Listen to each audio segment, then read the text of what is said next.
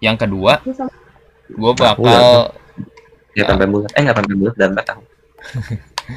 yang kedua gue bakal eh, arahin ke pertanyaan yang berbau-bau corona jadi Baunya gimana ya corona? nggak ada nggak ada baunya karena corona itu menyebar jadi gue pengen gue pengen tahu pendapat lu lu pada sih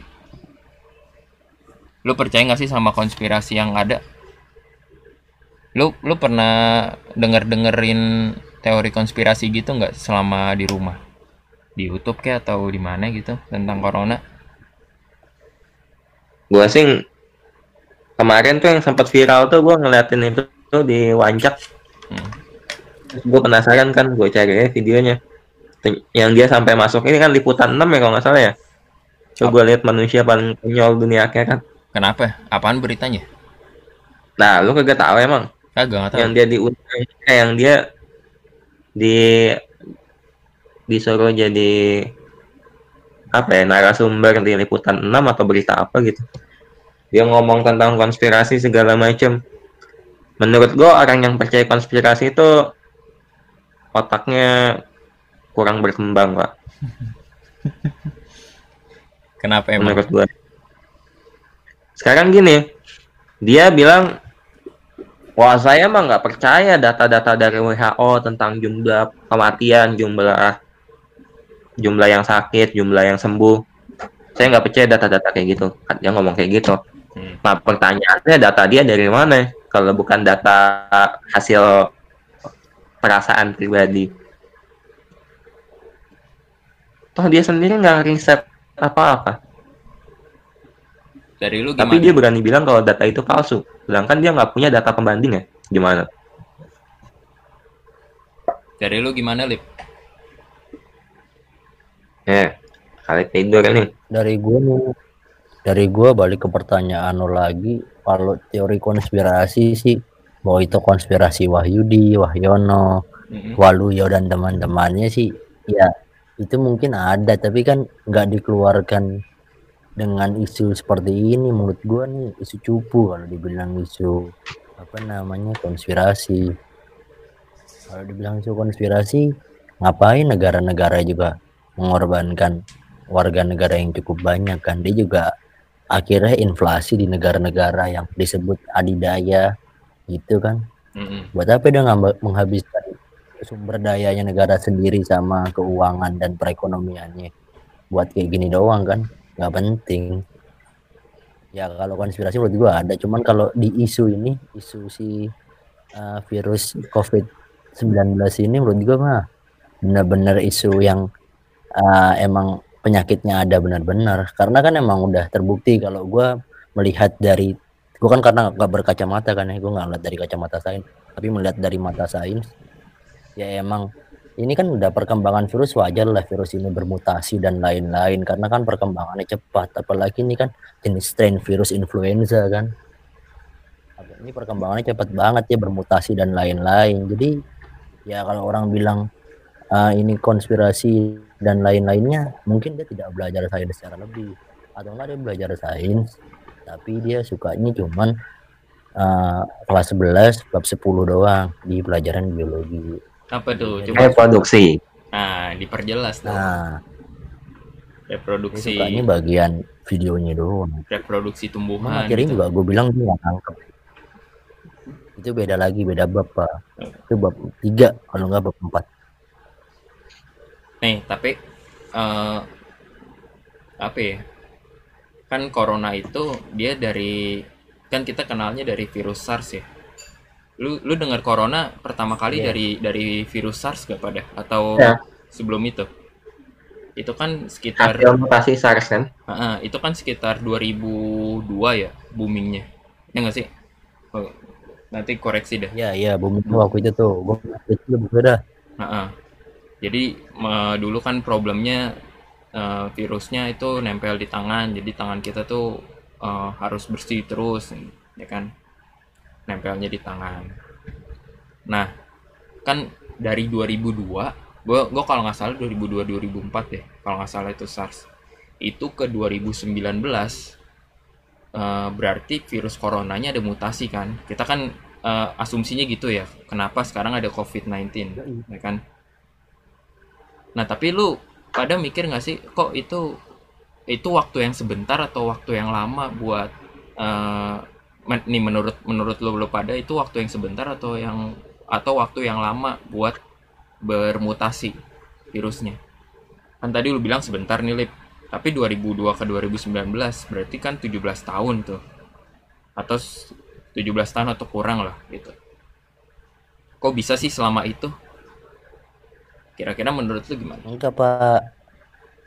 Ini menurut sok tahu gue ya karena gue tidak tidak begitu update lagi gue mengikuti uh, artikel-artikel sains tentang SARS dan teman-temannya SARS sampai terakhir COVID-19 ini. hmm. Nah itu uh, perkembangannya dia nggak cuman itu pak, nggak cuman sampai ke COVID-19 ini, tapi perkembangannya dari SARS yang pertama, SARS jenis virus SARS yang ditemukan itu tuh sampai ada varian-varian baru lagi pak. Jadi varietas baru, ibaratnya nih, lu kayak ke toko gue, Hmm. adalah Black Forest, adalah la- itu apa namanya bulu gulung, adalah bakpia, adalah apa lagi tuh, Bika Ambon, adalah Charlotte. Nah, nah, nama Charlotte aja mungkin nama lo begitu aneh.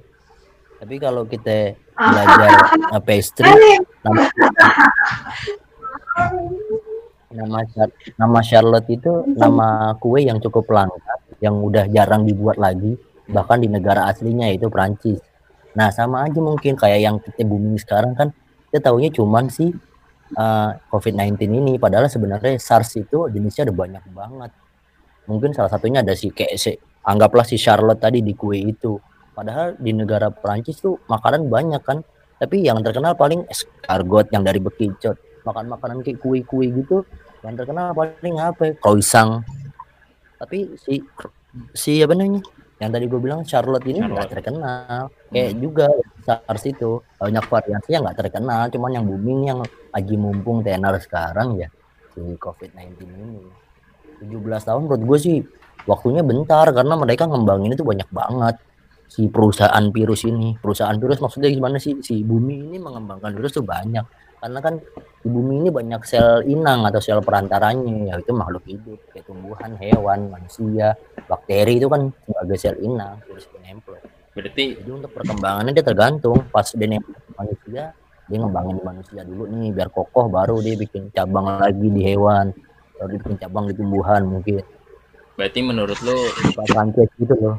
berarti menurut lu corona itu bermutasi sendiri dengan sendirinya iya. Kalau bermutasi sendiri itu bisa jadi Pak karena faktor terbesarnya emang bermutasi sendiri tapi kalau ada zat pemicu atau faktor pendukung pasti ada. Iya maksud kayak gua lo nih enggak lo maksud mau maksud naik haji. maksud ya gua ya kayak ya terus lanjut. Maksud gua kayak ini kayak dia nggak dimutasiin sama manusia. Kenapa kenapa? Dia nggak apa? Dia nggak maksud gue tuh bermutasi sendiri itu dia nggak dia nggak dimutasiin sama manusia gitu jadi manus jadi nggak ada campur tangan manusia.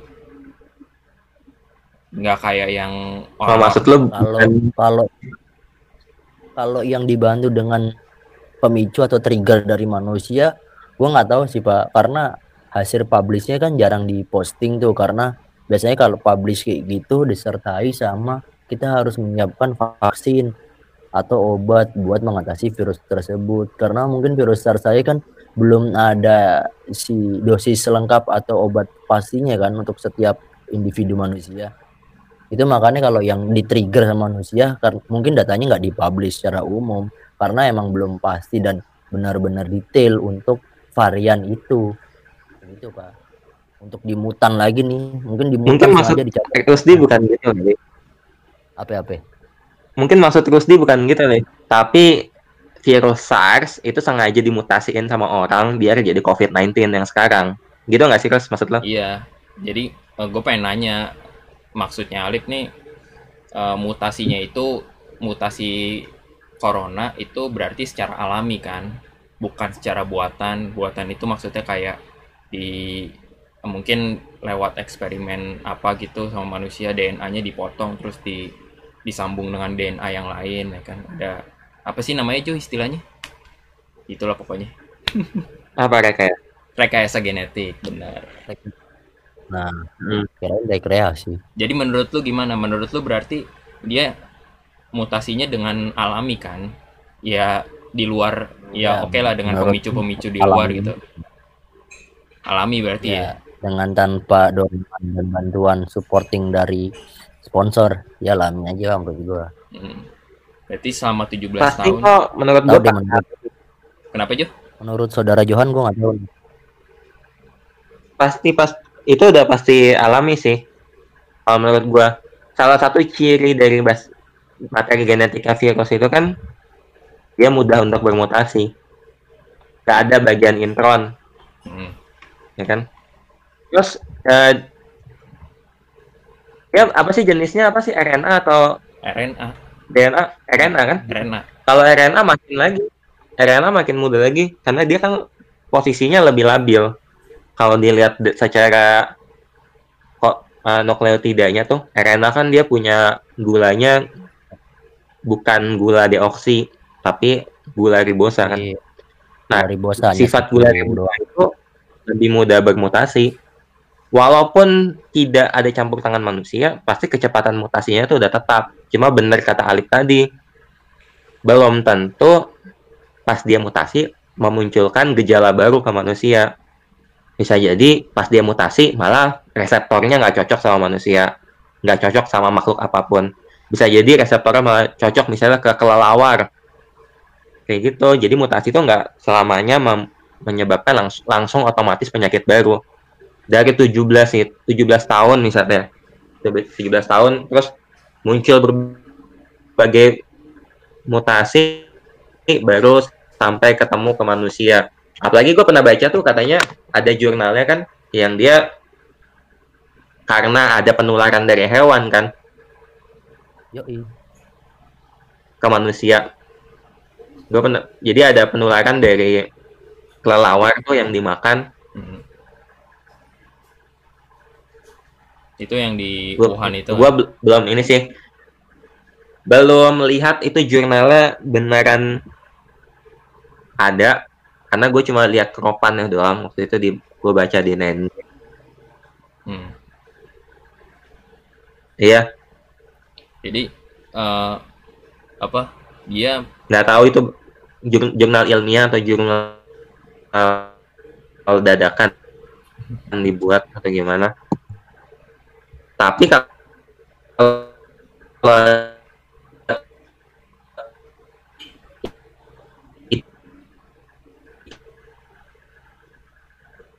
itu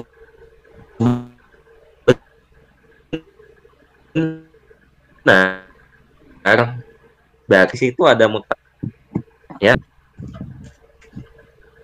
Jo Johan ya. Suara Ya. tadi putus-putus Jo Aduh, udah ngomong panjang-panjang. Suara lo tadi tidak jelas. lu juga gitu Lip Jadi Emang kalau gimana? Gue merasakan suara Johan sempat berdengung-dengung kayak suara lebah ganteng. iya Suara- kayak suara pen akatsuki.blogspot.com Ah, Pak. kan dia saudaranya lebah ganteng lu pakai headset ya Jo Apa? Enggak kok, enggak pakai. nggak pakai Nah, pakai headset orang nggak punya kuping. PA gimana caranya dia dengar kita Ya. Emang mendengar harus punya kuping. Kan harus punya membran timpani. Sedang telinga nggak harus punya daun telinga. kuping tuh keseluruhan Ada pesanan Siapa? nih em, berarti menurut kalian tuh virus corona bermutasinya secara alami ya kan oke Johan Johan lagi di mute semangat Jo Lanjut aja lanjut. Lanjut. Ah, iya berarti Lanjut. menurut berarti menurut kalian virus corona itu lagi eh, bermutasi secara alami ya kan terus eh, kenapa sih dia bisa datangnya secara booming gitu di eh, kan dia eh, pertama kali kan adanya di Wuhan tuh 2019 kenapa sih dia datangnya itu booming? Booming tuh maksud gue kayak jadi setelah dia datang di tempat pertamanya di Wuhan itu tiba-tiba bisa nye, bisa spread bisa nyebar ke seluruh dunia dengan cepat. Kira-kira kenapa tuh? Kok cepat banget sih penyebarannya? Apa itu karena menurut- titik awalnya pak nih sorry. Apa itu Saat- karena interaksi orang gitu? Maksudnya kan dari orang ke orang gitu interaksi akhirnya nyebar atau karena eh, virus ini sendiri bisa terbang terbang anjir. Ya gitu lah pokoknya out of the world lah. Dia bisa tiba-tiba out. Gimana menurut lo? Oh. Kalau menurut gue ya Bung Johan itu karena duluan titik deh. mulai virusnya. Kenapa? Karena titik awal ada virusnya itu. Awal mulanya di mana sih? Di Wuhan Cina sih itu kan. Wuhan. Wuhan tuh salah satu tempat ya. Gue dapat informasi dari teman gue Wuhan tuh salah satu tempat yang punya populasi cukup besar. Bahkan di situ tuh di Wuhan tuh ada universitas yang bergelar internasional lah di Wuhan. Otomatis penyebarannya tuh jadi lebih besar. Karena pertama padat penduduk. Semakin padat peluang untuk penyebaran itu semakin besar. Ditambah di situ banyak yang datang. Makanya kemarin kan ada yang bilang tuh sampai mahasiswa Wuhan dari mahasiswa Wuhan mau dipulangin ke negaranya. Hmm. nah itu kan artinya banyak pendatang ke daerah sana karena ada kampus besar. Hmm, benar-benar kan karena tempatnya padat dan banyak uh, transportasi keluar masuk ya itu bikin penyebarannya cepat. Hmm, dan lihat ya di Amerika. Di Amerika tuh dia kan ngadain demo lah segala macam. Nolak lockdown. Dampaknya jadi lumayan gede tuh. Paling tinggi penyebarannya. Mm-mm. sampai ada aksi anti lockdown iya. Itu parah banget sih. Orang kenapa orangnya nggak betah di rumah. Ya karena terganggu juga eh, ekonominya Amerika. Iya di mute. Ya baik halo. Aku masih terhubung. Oh, masih terhubung. Mantap tadi gue mau nanya, tadi gue mau nanyain apa ya ya berarti eh, dia cepat tersebar itu karena dari dari Wuhan sendiri itu dia padat penduduk dan banyak orang mancanegaranya sehingga banyak eh sehingga penyebarannya cepat gitu ya Nah, Ya, itu betul. juga Pak.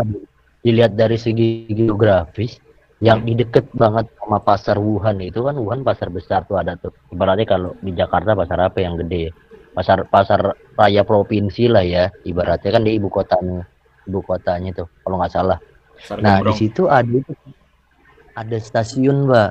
Hmm, tahu udah lingkungannya padat, ada stasiun. Pasti kan nggak mau nggak mau juga pasti selain stasiun pasti ada angkutan perkotaan lain ya kalau di kita angkot lah. Di sana mungkin kendaraan perkotaan kayak bis atau yang lain. Pasti selain ada stasiun besar ada ada mobil juga yang lain. Ya udah makin cepat lah penyebarannya. Dan kereta di sono gua dapat info juga nih dari temennya si Bapak Susanto ini. Kereta di Temen lu sono juga juga. banyak banyak kereta cepet juga pak. Kayak di itu Jepun negaranya. Tapi itu? Nobita. Jadi kan kereta cepetnya juga hampir menyamai pesawat tuh pak. Hampir dah ada yang menyamai malah. Nah itu berarti penyebarannya makin cepet parah pak. Selain itu juga kan pendatang. Ya lo tahu kan ya anak kosan. Dia nggak mau beli apa-apa yang mahal dan hedon walaupun dapat beasiswa dari pemerintah negaranya maupun negara lain atau enggak dia orang rantau pak. Dia kan sih nyari yang murah-murah. Ya udahlah dia belanja ke pasar tradisional. Makin banyak lah interaksi di situ makin cepet nyebar. Walaupun dia anak borjuis juga kalau temennya pola hidupnya tidak sehat seperti tadi itu atau enggak temennya punya orang kenalan lah yang pola hidupnya tidak sehat lagi. Entah itu makan kelabang lah entah itu makan tanah kayak entah itu makan yang lain lagi. Ya pasti ya tertular juga lah si orang-orang kaum borjuis ini. Kan kalau kata juru bicara COVID-19 di Indonesia kan katanya kaum proletar menularkan kepada kaum borjuis pak. Waktu itu sempat salah ngomong. Kaum proletar menularkan ke kaum borjuis. Apa Ya, kaum coba? borjuis. Jadi maksudnya ya, Pak. virusnya datang dari kaum proletar. Kata ini itu bahasanya yang gua halusin aja karena bahasa sebenarnya katanya yang Oh, ya gue ngerti gue ngerti maksud itu menularkan kepada yang ekonomi lebih. Nah, itu mah. Padahal kan kalau orang Indonesia sendiri loh ya hmm, kan nggak mungkin orang Indonesia berpergian ke luar negeri atau tertular terkecuali di tingkat pendidikannya tinggi bisa studi keluar atau enggak di tingkat mobilnya tinggi berarti punya uang banyak untuk Hmm. bisnis belanja dan lain-lain ke luar negeri. Mungkin kaum proletar atau atau orang yang kurang beruntung dengan dari segi ekonomi dia main ke luar negeri. Ya kan mbak malah Hmm. orang borjuis yang menularkan kepada proletar kan dan kaum kaum marginal lain hmm. berarti eh, intinya penyebarannya itu cepet ya tadi yang yang udah Johan bilang dan tadi eh, oh iya gue pengen ini juga pengen tahu juga pendapat lo eh, tentang pencegahan menurut lo pencegahan yang efektif buat sekarang nih ini udah tepat belum kita melakukan PSBB lockdown di Indonesia sendiri nih ya? Itu udah pencegahan yang tepat atau eh, ada cara lain? Menurut kalian? Menurut lo gimana Jo? menurut gue ya sebenarnya caranya udah tepat cuma aplika pengaplikasiannya nggak tepat. Caranya udah tepat pengaplikasiannya nggak tepat gimana tuh? Jadi gini lockdown kan sampai eh eh, pembatasan sosial kan sampai sekolah diliburin kantor diliburin kan gitu. Hmm. tapi faktanya anak-anak masih kelayapan ketemu temennya di luar. Orang-orang masih belanja ke pasar tanpa ada ja- penjagaan jarak. Hmm. kayak gitu. Jadi seolah-olah tuh solusinya tepat tapi pengaplikasiannya salah karena nggak di nggak dilakuin. Hmm, hmm. berarti komunikasi ke ininya kali ya ke warganya kurang efektif ya nggak sih? Bukan komunikasinya. Pemerintah tuh udah menyampaikan dengan baik. Semua orang tahu harus kita harus jaga jarak. Tapi kesadaran untuk melakukan itunya nggak ada. Hmm. gimana Bapak Alif sebagai yang sering keluar? Bahkan kemarin Alif ke rumah gua. Iya itu kan itu sengaja menularkan pada beliau. Lu udah dua minggu belum Jo? Lu kan kan Ya, ini lebih. inkubasinya dua minggu kan ya nggak sih? Enggak ada belum dua minggu minggu. aja gua udah pulang ke Kalideres pak. Lu kira nggak jadi pulang katanya pulang juga lu. pulang ngapain pak kangen keluarga. Ngapain lu ke Exdres kangen deh pasti mau minta PMP emaknya ketahuan lagi. Kangen kangen PMP doang lu. Lu aduh. Tapi eh, oh iya lu di Depok sendiri gimana Jo? Nggak ada nggak ada PSBB PSBB-an katanya? Ada. Nah ada. Luar masuk Jabotabek kan semua nunjukin KTP di setiap perbatasan. Seluruh Perbatasan kabupaten Depok. eh seluruh kabupaten kota di Jawa Barat kan udah PSBB iya. Hmm. lu kemarin nunjukin KTP lip pas ke rumah Johan? Oh Alif datang pas Hamin satu PSBB ya gue datang pas Hamin satu PSBB oh iya benar. Di wilayah di wilayah Depok. Mantap. Itu tuh si Alif tuh kayak ini wah besok larangan mudik gue mudik duluan gitu. Bener-bener pak. Nah ini Benar. terakhir terakhir. Kita udah berapa menit nih? Kita udah 46 menit. Nih terakhir Eh, menurut lo vaksin itu efektif nggak? Vaksin eh, untuk keseluruhan ya. Maksud gue mungkin buat buat seluruh penyakit nih. Pencegahan kan vaksin itu dia buat mencegah supaya penyakit ini nggak nggak datang lagi kan ke depannya. Jadi imun kita terbiasa dengan eh apa dibiasakan eh, untuk mengenal eh, apa makhluk asing ini bahasa gitu ya nggak sih koreksi kalau gue salah menurut lo dia efektif nggak vaksin ini buat corona jadi misalkan vaksinnya udah jadi terus nanti disuntikin ke seluruh manusia itu bakal efektif nggak jadi orang-orang nggak bakal kena corona lagi ngerti nggak pertanyaan gue ya gue ngerti Nah, menurut lo gimana? Alip dulu dah. Kayak tadi jangan melulu. Lip. Oh, bobo nih Alip. Lip. Lip. Alif. Alif. Dia lagi sholat terawih kan, Pak? Buset. Yaudah, lu dulu deh Jo.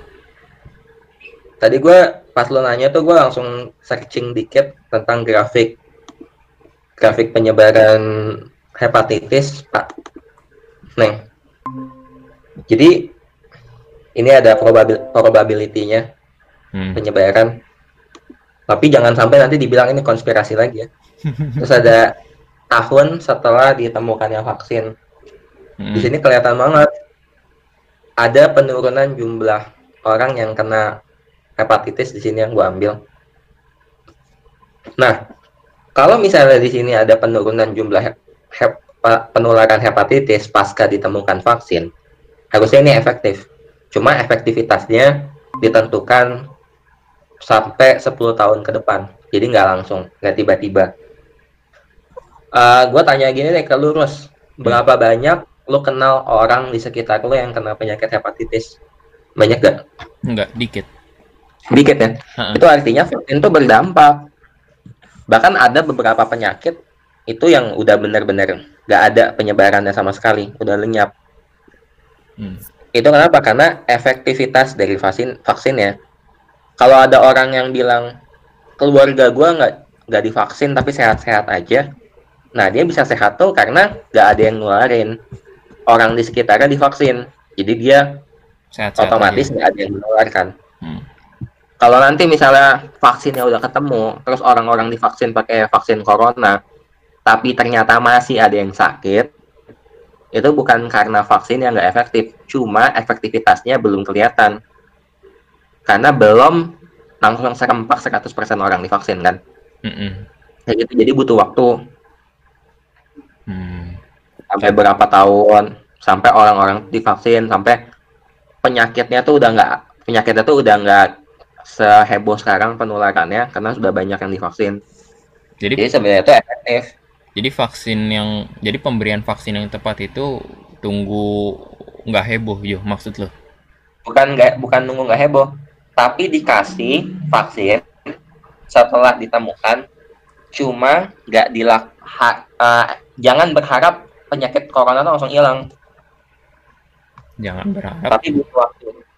Butuh waktu untuk menekan penyebarannya. Hmm, Karena kan gitu. vaksin kan juga didistribusikan butuh waktu kan sebagainya. Benar. Lip, Halo, kimochi, ada apa? kimochi. Lagi masih tuh. Hmm. Nih, eh apa sih tadi vaksin? Bau. Eh, Vaksin kenapa? Efektif apa kagak gitu? iya, efektif sih. Kalau kata Johan, menurut lo, lu setuju nggak efektif eh, sama Johan? Eh, efektif sama Johan. Lu setuju nggak sama pendapatnya Johan? Kalau gua nggak setuju, mungkin gua pendapat kaum kaum terbelakang kali pak. Karena kita udah maju ya, kita udah udah saintis banget. Walaupun orang berpikir pendidikannya sosial, tapi pasti saintis banget lah. Udah ngerti pola pola penyebaran penyakit gimana. Si Iya, Nah, iya. si Alif mati. Sambil nungguin Alif, gue nambahin dulu lah dikit. Apa tuh? Orang-orang, beberapa orang tuh nggak percaya sama kerja vaksin. Nggak percayanya di mana? Ya misalnya ada yang bilang, vaksin tuh buatan-buatan doang, segala macem haram lah apa segala macem. Hmm. Itu dari, gue pernah baca sampai katanya dari darah jan, eh darah pelacur sama nanah monyet atau apa gitu lah gue baca. Kok Kalau yang ngomong lucu ya? Nah, tapi orang-orang yang ngomong itu dia percaya ada penyembuhan dari batu-batu kristal. Katanya pakai gelang ini bisa nyembuhin penyakit ini. Itu kan lebih nggak masuk akal lagi. Dia percaya yang kayak gitu, tapi nggak percaya sama vaksin yang di ya, ditemukan bertahun-tahun gitu. Mungkin lo pernah dengar bioglas apa segala macam. Bio gelas. baru denger gue nanti gue searching ada lu cari bioglass nggak tahu nggak itu katanya bisa menangkal penyakit dan segala macam hmm. bahkan kalau di bahkan vaksin ini tuh bukan cuma di Indonesia gue pernah baca di negara Eropa sana Hmm. dia bilang kayak gini ada tulisan di sosmed vaksin itu halal karena halal itu bikin kita jadi muslim coba Loh. Loh. lucu kan jadi selalu ada konspirasi yang berbeda-beda untuk orang-orang yang anti vaksin di kalau di Indonesia yang di negara mayoritas muslim dia bilang itu haram bikin kafir kalau di luar negeri di Eropa yang mayoritasnya agamanya non muslim dia bilang itu halal bikin kita jadi muslim gitu Nah. lucu kan? Gimana sih? Jadi konspirasinya beda. Jadi sebenarnya konspirasi itu dibuat sama orang-orang yang nggak bertanggung jawab. Yang tujuannya bikin orang jadi nggak pakai vaksin. Gua nggak tahu dah tuh tujuannya apa. Hmm. tapi dia juga nyebarin "Ah, inilah kristal penyembuh lah. Minyak esensi apalah. Kayak aneh-aneh lah lebih percaya sesuatu yang aneh-aneh. Hmm. ada lagi sih yang gue denger itu vaksin itu ada apa? eh, pendeteksi orang. Jadi kayak ketika kita disuntikin vaksin kita kayak udah dideteksi gitu pergerakannya. Kita ngapa-ngapain udah ketahuan. Terus kita eh, data-datanya kesebar gitu segala macem jadi apa pun aktivitas kita tuh udah ketahuan makanya itu pernah ada berita konspirasinya. Gitu. Pertanyaan gua orang yang nem, orang yang nemuin konspirasi itu dia tahu dari mana ada itu? Praduga Ya, praduga. jangan dia lagi yang bikin chipnya. Jangan jangan dia yang bikin chipnya buktinya dia tahu jadi dia Iya nggak? jadi dia kemakan sama ini lu pernah denger yang Rockefeller Rockefeller gitu kan nah ini dia Alif. Halo halo. iya Kimochi Masa gue dibilang Masa gue dibilang keluar gue bingung. lah iya emang lu keluar Padahal gue masih tergabung. Aneh.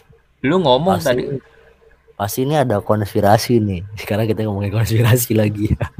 yang ingin membuat gue keluar dari obrolan ini. Johan yang konspirasiin.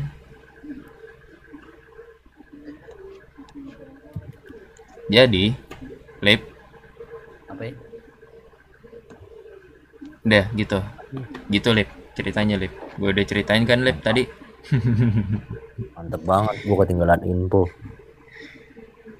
tadi lu eh maksudnya Johan. Tadi Johan nambahin kalau eh, vaksin itu apa Jo gue lupa.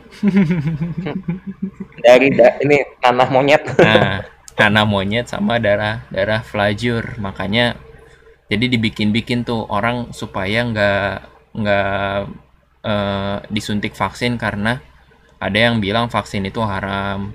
Ada yang bilang kalau nggak suntik vaksin berarti kita belum muslim gitu. Dan itu dibikin di wilayah-wilayah yang berbeda supaya orang-orang itu jauh- menjauh dari vaksin. Nah pertanyaannya balik lagi kenapa sih eh, eh apa dari mana sih landasan orang ini supaya eh, bikin kita menjauh dari vaksin gitu? Emang nih orang melakukan penelitian sejauh apa gitu kan? Nah itu sebenarnya paham-paham yang iya. Paham-paham yang cukup lucu pak, tapi lucu dengan cara tidak cerdas. jadi maksudnya apa gitu? Dia mau dia dia mau buat lucu-lucuannya salah. Dia tuh mau buat lucu-lucuan pas dia belum insaf. Eh ternyata dia pas udah insaf baru mau bikin lucu-lucuan. Kan dosanya double. Dia udah ngerti tapi dia memberitahu kesalahan. Kalau belum ngerti wajar memberitahu kesalahan. Karena dia nggak tahu. Kalau udah ngerti kan dosanya double. Mungkin banyak beberapa ah, kaum agamawan di beberapa agama tertentu juga mengatakan seperti itu sih pak di beberapa Hmm. agama. Karena vaksin ini nggak boleh. Karena vaksin ini bertentangan dengan ini. Saya juga lihat dari beberapa agama tertentu juga beberapa ilmuwan bahkan kan juga kayak dikebiri secara uh, pandangan atau pendapat bahkan ada yang sampai dihilangkan roh dari jasadnya kan tapi dosa nggak kelihatan deh Dosa emang nggak kelihatan ya, kelihatan bakwan kalau lagi buka puasa mah. betul ya eh gue rasa gitu aja buat hari ini makasih banyak udah nemenin gue ternyata kita udah berhenti streamingnya loh di IG ada yang berhentiin ini beneran konspirasi nih yang ini nih padahal gue nggak stop streaming. Ya, ini pasti Enggak, ada ada yang nonton. Ini tahu ini menemuin kuota doang, gue kick aja. ini pasti udah konspirasi Wahyono. Makasih banyak udah nemenin gua. Makasih banyak udah join di obrolan tidak jelas ini. Jadi gue setiap malam minggu tuh ngadain live podcast. Podcastnya gue rekam nanti gua taruh di Spotify tiap hari Senin dan Kamis. Ini karena durasinya sejam jadi gue bisa bikin dua episode. Jadi hari Senin ada nanti hari Kamis lanjut lagi. Gitu. Gila, lo udah kayak puasa Senin Kemis. Yoi. Tapi setiap jam 8. Jadi support gua buat eh, podcastnya. Dengerin aja, dengerin nanti habis itu lu lu matiin gitu. Jadi cuma dengerin semenit deh lu matiin aja gitu. Jadi support aja. Nonton support. lagi ya, Ah, nonton lagi. nonton lagi gitu. Gitu-gitu aja. Nah, nanti paling eh gue bakal obrolin yang lain paling sama yang lain kalau lu nanti kalau lu mau lu punya topik apa nanti kita obrolin aja biar seru aja sih buat ngisi-ngisi kekosongan ya nggak Lo temanya ngajakin ngomongin corona, kagak ada seru-serunya. Kenapa kita nggak ngomongin yang lain gitu? Misalnya, kenapa ada anak jalanan? Nggak gitu kan? Apa hukum perjudian di bulan puasa? nah Tapi Boleh. perjudiannya tanda kutip, jangan perjudian secara harfiah. perjudian secara apa tuh Perjudiannya secara konotatif, jangan denotatif. apa bedanya gue nggak tahu tuh bedanya konotatif denotatif. Oh iya makasih banyak. Dan gue tutup dulu. Salam pot eh, vaksinia. Oke stop. Sip